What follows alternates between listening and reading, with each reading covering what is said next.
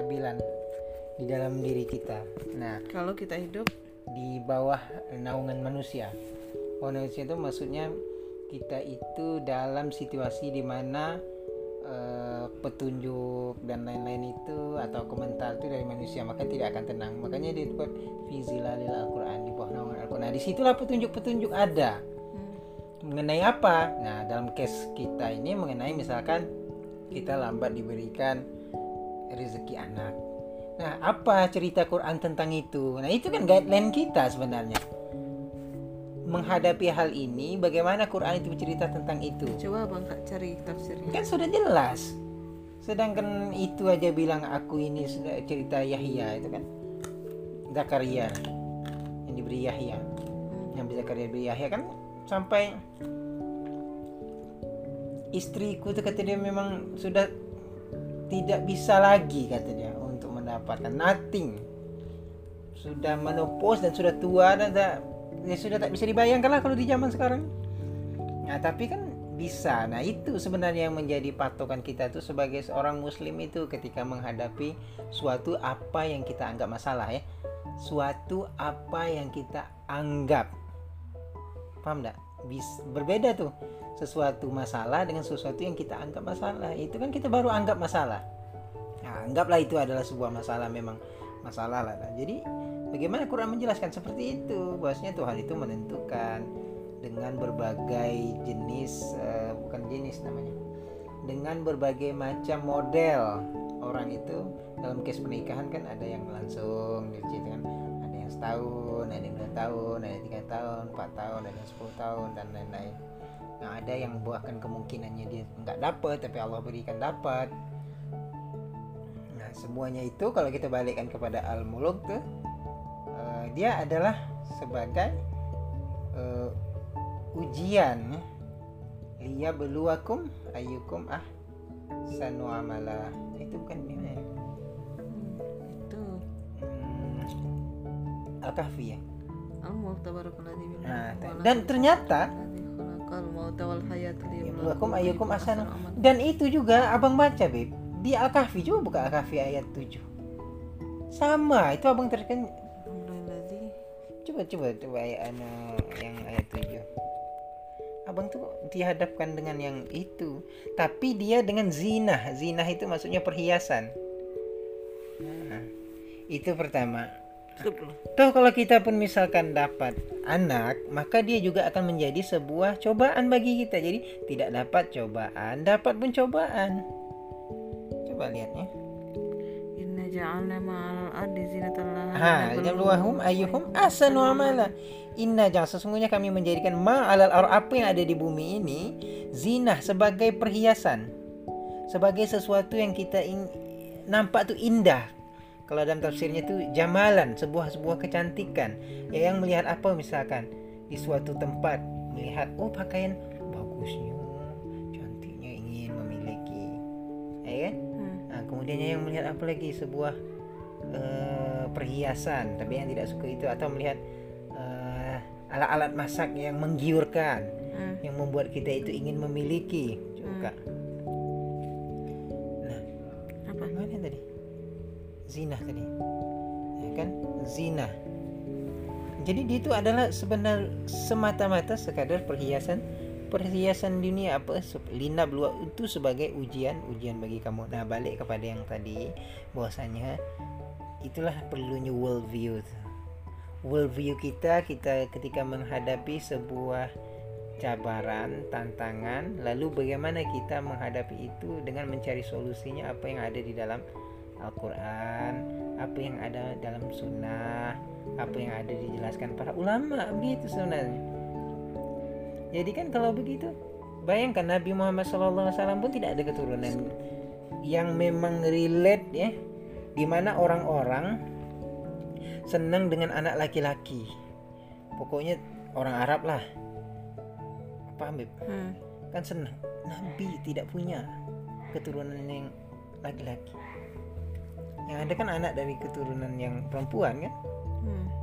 ha, bayangkan itu Nabi Nabi Muhammad Sallallahu Alaihi Wasallam. Nah jadi dia adalah uh, dalam pandangan abang memang solusinya memang kita harus mencari apa yang diceritakan oleh Al-Quran. Coba yang, yang bertanya lah contoh. Nah eh, wajar kenapa misalkan eh, kita anggaplah katakan sedih. Kita selalu bertanya wah Pengen. pengen. Mengapa? Sebenarnya itu nature ya.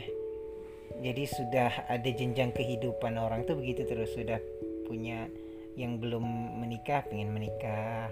Setelah menikah pengen punya anak. Setelah punya anak pengen punya cucu. Setelah pengen cucu ingin begini bersama. Itu memang sudah menjadi eh, nature-nya. Tapi kalau kita lihat apakah semua orang itu mendapatkan apa semua yang dia inginkan? Nah kita ini adalah salah satu. Salah satu dari apa yang kita inginkan tapi memang belum. Ah, kan belum. Intinya kan belum. Hmm. kenapa kita bersedih dengan sesuatu yang belum? Bukan tidak.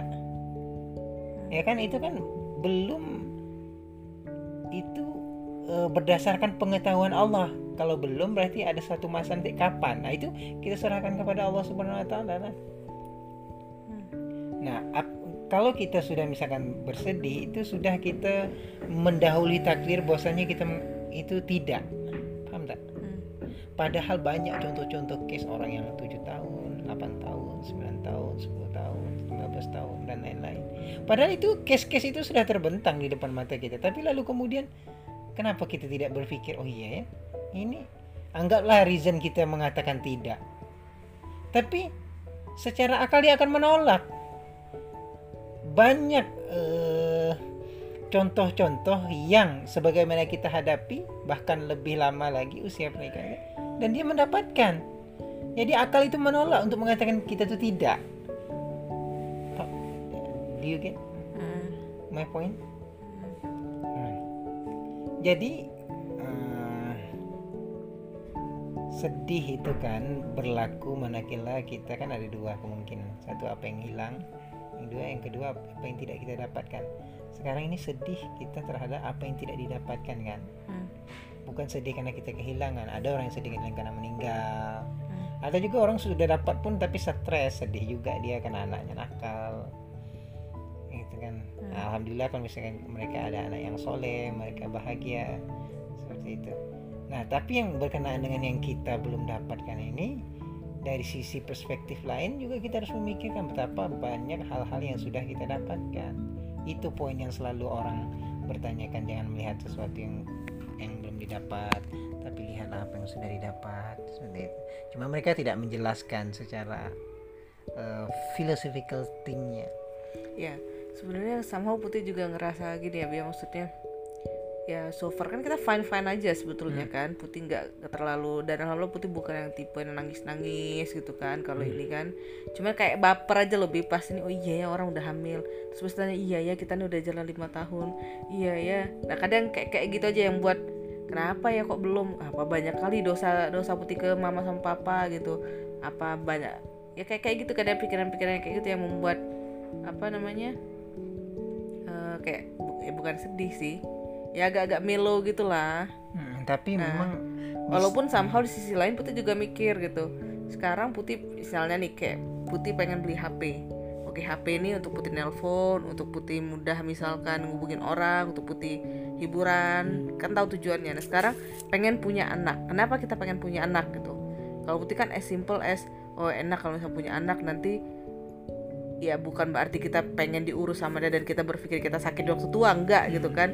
Kita pengen kayaknya lebih seru kalau ada baby gitu.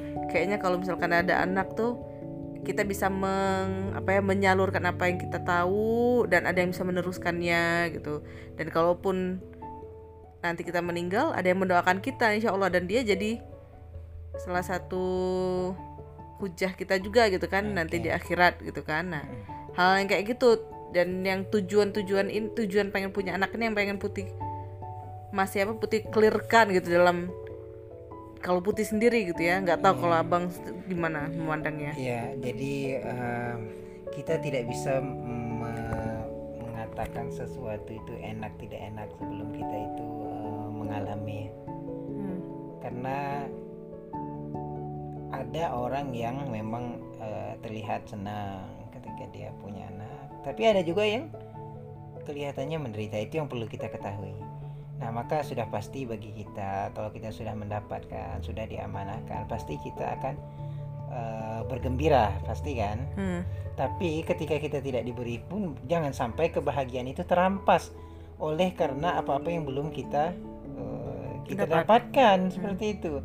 Jadi sangat eh, nggak adil ya eh, merugi rasanya kalau kita itu sedih terhadap sesuatu yang belum eh, kita dapatkan dan itu pun tidak berkaitan dengan misalkan hilangnya nyawa kita kalau tidak dapat ataupun hilangnya kehormatan kita ataupun putusnya amal kita. Makanya Allah itu dengan keadilannya memberikan kriteria itu tadi.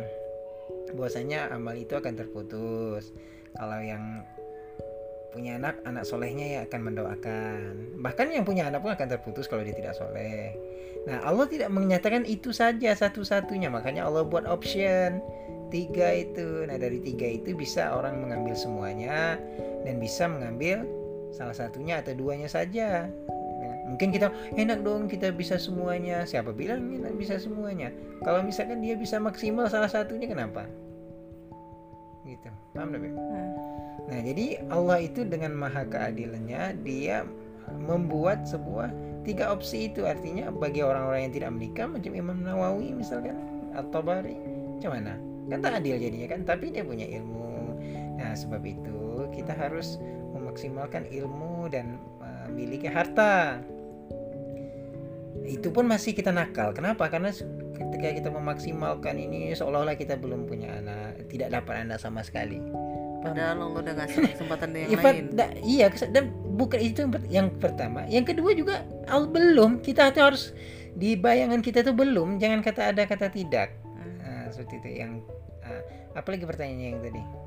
kalau abang sendiri tujuan pengen punya anak apa Yang pertama memang aplikasi tentang ilmu apa yang kita dapatkan tentang bagaimana cara memelihara anak. Kemudian eh, ingin menjadikan dia anak soleh supaya nanti suatu saat dia bisa mendoakan kita dan lain-lain itu abang rasa eh, normal lah bagi kita yang memang sudah bergelut di bidang eh, dakwah seperti itu. Nah, tapi bagi abang pun ketika itu tidak didapatkan, bukan tidak ya belum didapatkan, kita masih punya potensi lain, memaksimalkan yang lain dari segi harta, dari segi ilmu mengajar. Makanya maksud abang tuh kita eh, bawa dulu Tito, kan kita pengennya aplikasi kan, Cak. Di Hmm. situlah bagi kita untuk eh, ngomong sama Allah ya Allah memantaskan eh, diri memantas gitu diri. Iya, iya, betul kak ini ini oke dalam memelihara coba cek dulu gini loh kalau kamu tuh punya anak Hmm. Nah, ternyata kita ada anak sikit pun macam kepenatan atau pergi lari atau macam budak sebelah yang datang ke sini kan kita masih belum Belum ready. Nah, belum ready. Ya sama kan kadang mikir itu kan bukan anak kita gitu Iya, tidak begitu. Ada orang yang memang pengen tuh eh, makanya kita ingin memperlihatkan ini ke ah, Allah anak gitu. kalau keponakan tuh kan lebih ini kita tuh kalau Lebih dekat. lebih dekat Nah, abang masa nggak ada sedih sama sekali sih orang ada anak gitu udah ada kita belum tak ada abang terlintas sedih Hmm. sekalipun jujur kalau abang ya mungkin kalau bisa dikatakan dalam setahun tuh paling tiga kali lah terpikir. Apalagi masa-masa tiga tahun dulu tuh memang tidak terpikir sama sekali yang tiga tahun dulu. Tiga tahun Nah, pertama. eh, tiga tahun pertama. Yang abang itu teringat kalau Yayang yang mengingatkan. Itu aja. Kalau Yayang merasa ada itu abang mulai itu. Jadi ikut juga melo kan? Padahal abang tidak ada sama sekali. Nggak tapi abang rasa melo juga? Tidak Emang sedih juga tidak Lo katanya iya tadi melo Kalau ya yang sedih baru apa? Jadi sedihnya itu bukan karena belumnya itu, tapi karena kekasih kita yang sedih gitu. gitu abang dalam eh, dalam ini. Tapi kita mesti harus punya harapan karena la rohillah ya. Jangan pula oh, tak masalah kalau aku tak punya. Jadi itu kayak marah dengan Allah kan jadinya kan kalau kayak gitu. Jadi kita tetap senantiasa berharap senantiasa melakukan sebab kan kan asbab Jadi tawakal itu kan karena asbab. Nah, nanti yang apa-apa yang pernah diajarkan orang kayak makan serai, ya cobalah kita lakukan. Yang mungkin eh, rutin sehari makan. Banyak petunjuk-petunjuk yang kita dapat tetapi kita masih belum mengamalkannya sepenuhnya begitu. Jadi tidak bisa juga misalkan menyalahkan eh, Allah misalkan. Karena yang namanya itu kan ada juga melibatkan usaha kita. Nah sekarang sudah maksimal tak kita. Nah, bahkan abang tuh kalau secara ekstrimnya itu cuma terpikir, abang kan sting memikir kan. Kenapa orang berzina dapat dalam kita iya betul kepikir gitu Iya kok begitu. mudah kali Allah Iya begitu. ngasihnya Iya gitu. begitu. Ah, abang sempat eh, eh, terpikir begitu. Tapi kan kita tidak bisa mengukur pengetahuan Allah tuh dengan apa yang kita ketahui. Kalau begitu berzina aja kan kon- konklusinya kan? enggak lah Nah, tidak bisa jadi kan? Enggak, cuman kadang konklusi itu kalau orang ekstrim berpikir berarti Allah ini nggak adil. Kok Orang yang cincai-cincai ngerjakan tuh dalam maksiat Allah kasih, Heeh. orang yang sholat, Nah, orang itulah yang makanya. dapat Allah Gini, kasih. jadi gitu. jadi kan begitu. Jadi tiap orang tiap orang itu punya ujian masing-masing ya, yang perlu tekankan itu. Hmm. Nah, bagi kita yang punya anak mungkin itulah Allah uji. Itu pun kalau kita menganggap ujian. Nah, bagi yang punya anak pula, dia punya ujian lain lagi. Bahkan kalau Abang tengok banyak orang yang stres yang punya anak itu ketimbang kita yang belum misalkan. Hmm. Dengan memposting aduh banyak anak cuci piring aduh. Ha, kan kita Nah, tapi orang kalau kita berpandangan perspektif orang, maka kita akan kalah. Kenapa? Orang akan mengukur bahwasanya kalau dia punya anak pasti dia bahagia. Begitu kan ukuran ukuran manusia. Artinya kalau dia pakaian baru berarti bagus padahal nggak tahu dia punya hutang. Hmm. Jadi kita nggak bisa hidup itu di bawah naungan perspektif manusia. Kita itu harus hidup di bawah naungan dalam perspektif Al-Quran. Seperti apa? Do you get it? Terus kalau orang pas nanya abang, abang nggak nggak melo. Ah, dulu kan abang ditanya waktu di masjid di waktu memperbaiki kubur abah. Sudah dapat cangkik li, apa cangkik nih cangkik itu kan kalau di dahan tuh ada satu yang muncul gitu. Hmm. Apa Cik Rudi? Anak biasa aja bang. Belum Pak Alang, eh, Pak Alang yang nanya tuh. Insya Allah gitu aja. Tapi memang laki-laki tidak panjang kisahnya. Tidak, udah habis. Nah, itu, eh, kemudian satu lagi du- di Singodan dua kali abang ditanya. Eh, macam mana? Belum. Insya Allah mudah-mudahan. Ah, iya, anulah terus usaha terus. Kalau Ya, laki-laki kan- abang? laki-laki itu kan eh, ngesek aja kan pasti gitu. ya abang diam lah karena begini kalau ukurannya adalah misalkan sek berapa kalinya ya kan kenapa orang cuma bisa dapat 10 anak dia kan mengerja kalau memang kemampuan dia kalau dia misalkan dengan kesombongannya mengatakan lihat aku punya anak 10 emangnya kamu ngerjain 10 kali tentu lebih kan Hmm. Artinya memang itu campur tangan Allah. Kalau campur tangan dia, artinya setiap eh, setahun sekali mesti dia dapat terus. Hmm. Paham tak, Bib? Hmm. Tak paham tidak yang nih? Paham. Nah, itu dia. Jadi itu totally. Kehendak Allah. Hmm, kan dah, bahkan Bang Abdul pernah bilang begini. Kata Zulfani, nanti ya waktu dia belum menikah ya saya mungkin akan merancang eh, anak eh, sampai 8 lah 7 kata Bang Abdul masalah itu nggak bisa di ini padahal Bang Abdul sudah punya anak 4 Hmm. mungkin dia pengen nambah lagi atau 5, 6, 7 tapi Bang Abdul tapi abang waktu itu tak nangkap belum nikah sang- salam. Nikah atau tahun pertama agaknya mungkin. Eh belum. Belum lah. belum. Kata Bang Abdul kalau masalah itu nggak bisa di ini nah, artinya dia tuh tahu. Dia kan dari segi finansial oke kan. Dan dia pengen punya anak juga. iya